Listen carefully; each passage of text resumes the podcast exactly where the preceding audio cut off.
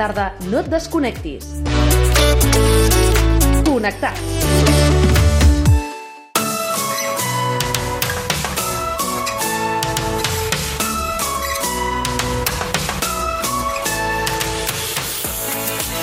La tragèdia de Manon Lescaut inicia l'homenatge de la Fundació Òpera Catalunya al compositor Giacomo Puccini.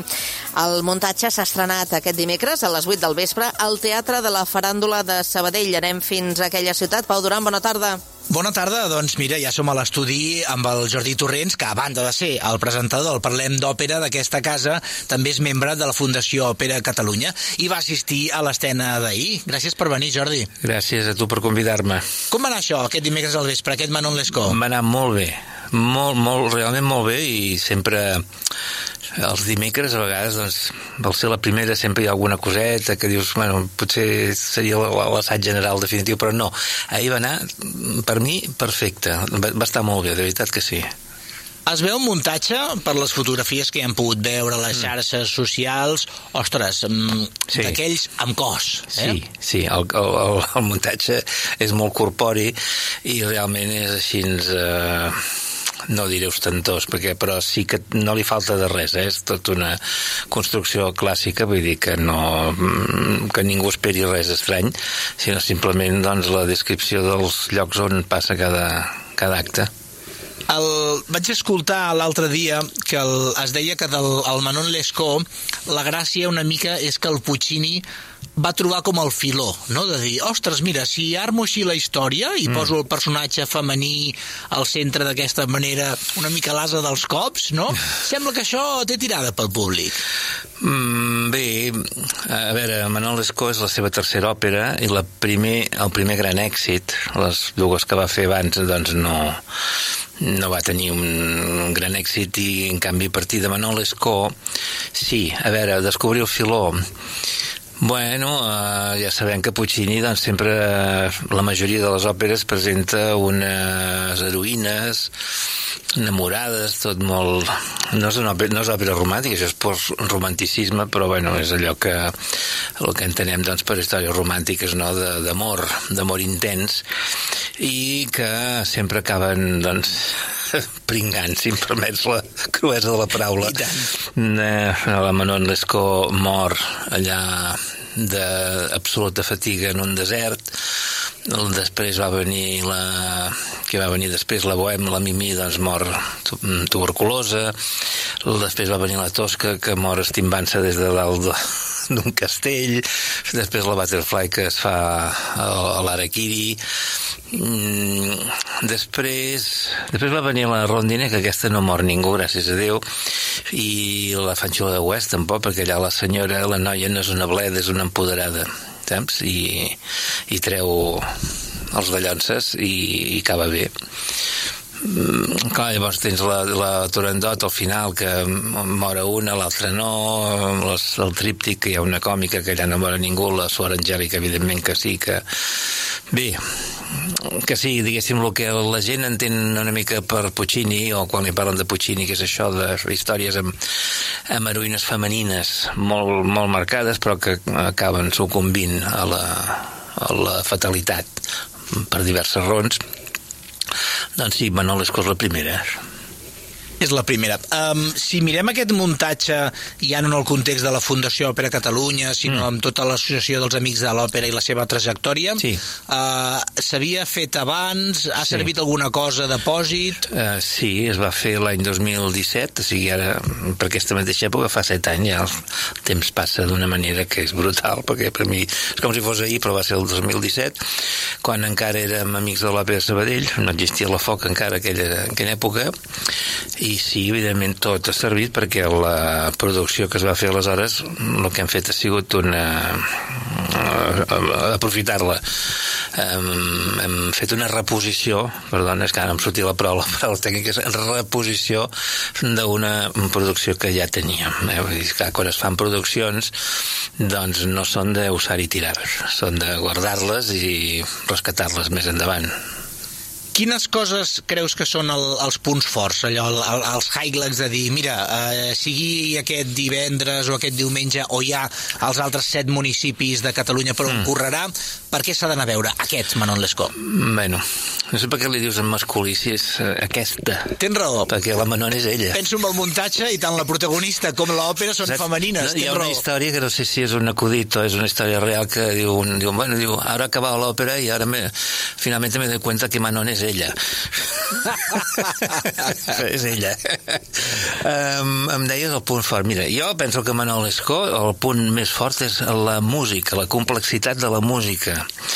I el cant, um, jo diria que és l'un primer marca de fàbrica. Llavors la història, la història que explica és molt interessant, és una història francesa del segle XVIII eh, que transcorre cap als voltants de 1720 i suposo la gent sap que o bé si van escoltar el Parlem d'Òpera últim doncs... Eh, Quin és el capítol que hem d'escoltar perquè ens el faci... 554, si no recordo malament, sí. Vinga, al web de Ràdio Sabadell el teniu, eh? O si sí. no, a les xarxes socials també. Allò vaig explicar el més bé que vaig poder, amb la limitació horària, no? que d'aquesta novel·la de la B. Prevost, que és el senyor que era un eclesiàstic, era un capellà, doncs se n'han fet quatre òperes. No només la Manon Lescaut de Puccini, sinó que primer es va fer una Manon Lescaut d'un compositor francès que es deia Aubert, Daniel Aubert, de l'època de l'òpera còmic, va ser dir còmic amb diàlegs parlats. Eh, llavors va venir la també molt coneguda versió de Massenet, que aquella es diu Manon a seques, i la Manon Lescaut de Puccini, i finalment una doncs, molt més moderna, que és eh, Boulevard Solitude de Hans Werner Henze, que està ambientada en el París de la postguerra, però la història és la mateixa. Clar, aquí ens pot eh, xocar algun punt de la història, perquè aquesta senyora la desterren a la, a, a la colònia francesa que tenia en aquell lloc, en aquell moment a Amèrica, que era la Louisiana la desterren a la Louisiana eh, per prostitució. Clar, dius, avui en dia dius, mm, home, no, a ningú, a ningú el desterren, no, la desterren per prostitució, no? Clar. Són, són coses que xoquen, però no són coses de l'època, s'ha d'entendre des d'aquest punt de vista. Aleshores, doncs, però la història és com molt genuïna, no? Perquè és un amor a primera vista, i és un amor, jo el considero una, una espècie de símbol de la joventut, només cal escoltar doncs, l'àrea del tenor quan ha conegut Manon. I diu, jo no he vist mai una dona com aquesta. És una àrea preciosa i eh, tot el desenvolupament de la història. Ella és una noia doncs, que té una certa tendència que li agradi la bona vida. És que la bona vida doncs, eh, bé, cau, com que és molt bonica, molt guapa doncs cau en mans de desaprensius mm, que la tenen de mantinguda i, però la història d'amor genuïna amb el Degrie que és l'heroi continua i dura tota l'òpera i al final ella diu, diu els meus pecats seran oblidats, diu però el meu amor no morirà mai i això és la, la base de la història que jo penso que en la de Massenet està més ben explicada perquè el llibret, clar, per adaptar d'una novel·la llarga doncs has de fer un llibret d'òpera, has de condensar molt no?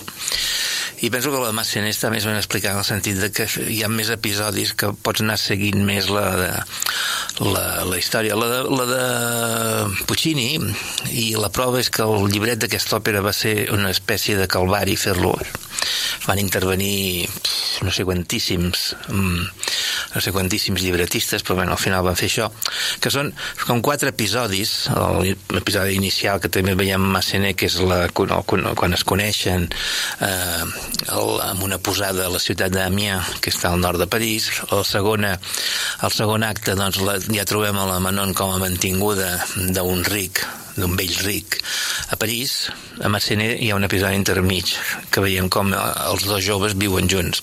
Ah! Pobres.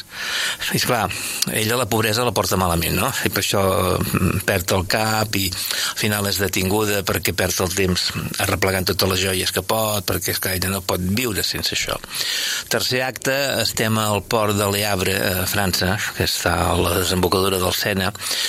Eh, des d'allà són deportades a la Louisiana. El quart acte ja representa que és un desert a Louisiana que han tingut, vivien a Nova Orleans, però han tingut problemes degut a la bellesa d'ella i han tingut problemes una altra vegada i han tingut que fugir estan allà sense aigua tirats i això, ella mor no? a l'òpera de Massenet el tercer acte doncs, és tot una celebració de la bellesa de Manon allà al mig de París i tothom adorant-la etc etc. el quart acte o sigui, la, la segona part del tercer acte és la reconciliació dels dos quan ell està a punt de fer-se capellà.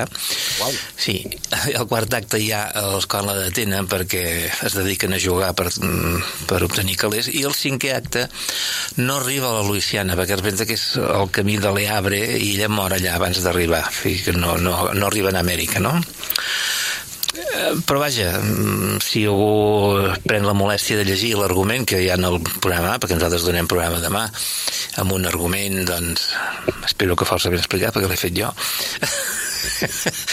i allà s'entén perfectament. I és una història molt bonica. O sigui, la música espectacular per mi o sigui que la gent està comprant entrades per la Turandot més que per la Manon però per mi és molt millor musicalment eh, Manon Lescaut que la Turandot. I la història doncs bueno, la història és, és bonica Vull preguntar-te per artistes ara que deies sí. la música el director musical què t'ha semblat la tasca de l'Elio Orchiuolo? Mm, bueno, la tasca de l'Elio m'ha semblat estupenda, com sempre, ara que feia com uns 10 anys que no venia a casa nostra. Bueno, va venir pel...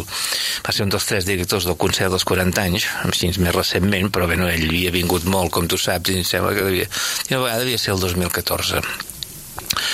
Aleshores, eh, bé, la tasca estat magnífica perquè va sonar espectacular. L'orquestra, molt bé, molt bé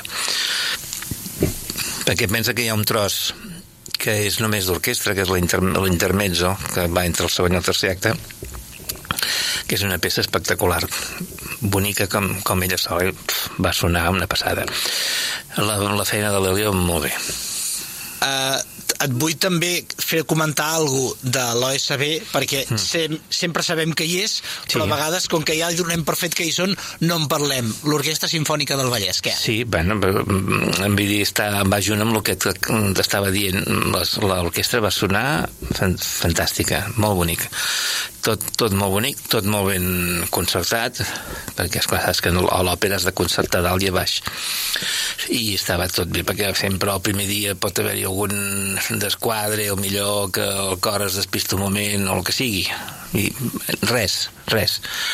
I mira que hi ha moviment, sobretot en el primer acte. El primer acte hi ha molta gent que van donant voltes per allà i a vegades doncs, pot passar el, segon, el tercer acte també hi ha bastanta gent però no hi ha tant de moviment el segon és més, més íntim i el, i el quart doncs, és tan íntim com que només estan ells dos i bar de comptar. I bar de comptar. I també vull que em parlis de, de l'elenc de cantants. Sí. També voldria saber una mica, per això, clar, quan afrontes una producció així, com us plantegeu eh, qui pot fer cada paper, cada rol?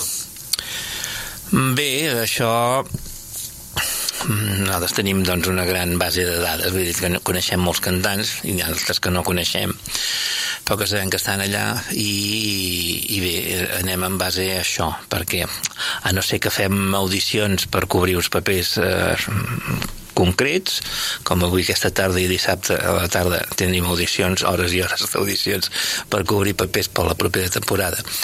Um, Normalment, doncs, sabem, clar, Manon Lescó, Manon Lescó, què, què necessites? No necessites una soprano lleugera, una que canti la Lucia, per exemple, no necessites una soprano de pes, eh? pucciniana amb mm, espinto, que se'n diu, o sigui, amb una espinto vol dir que té un, una força per emetre, diguéssim que, i en el cas de la Manon Lescó se'n va lo dramàtic, per tant, has d'anar a buscar una soprano que sapiguem.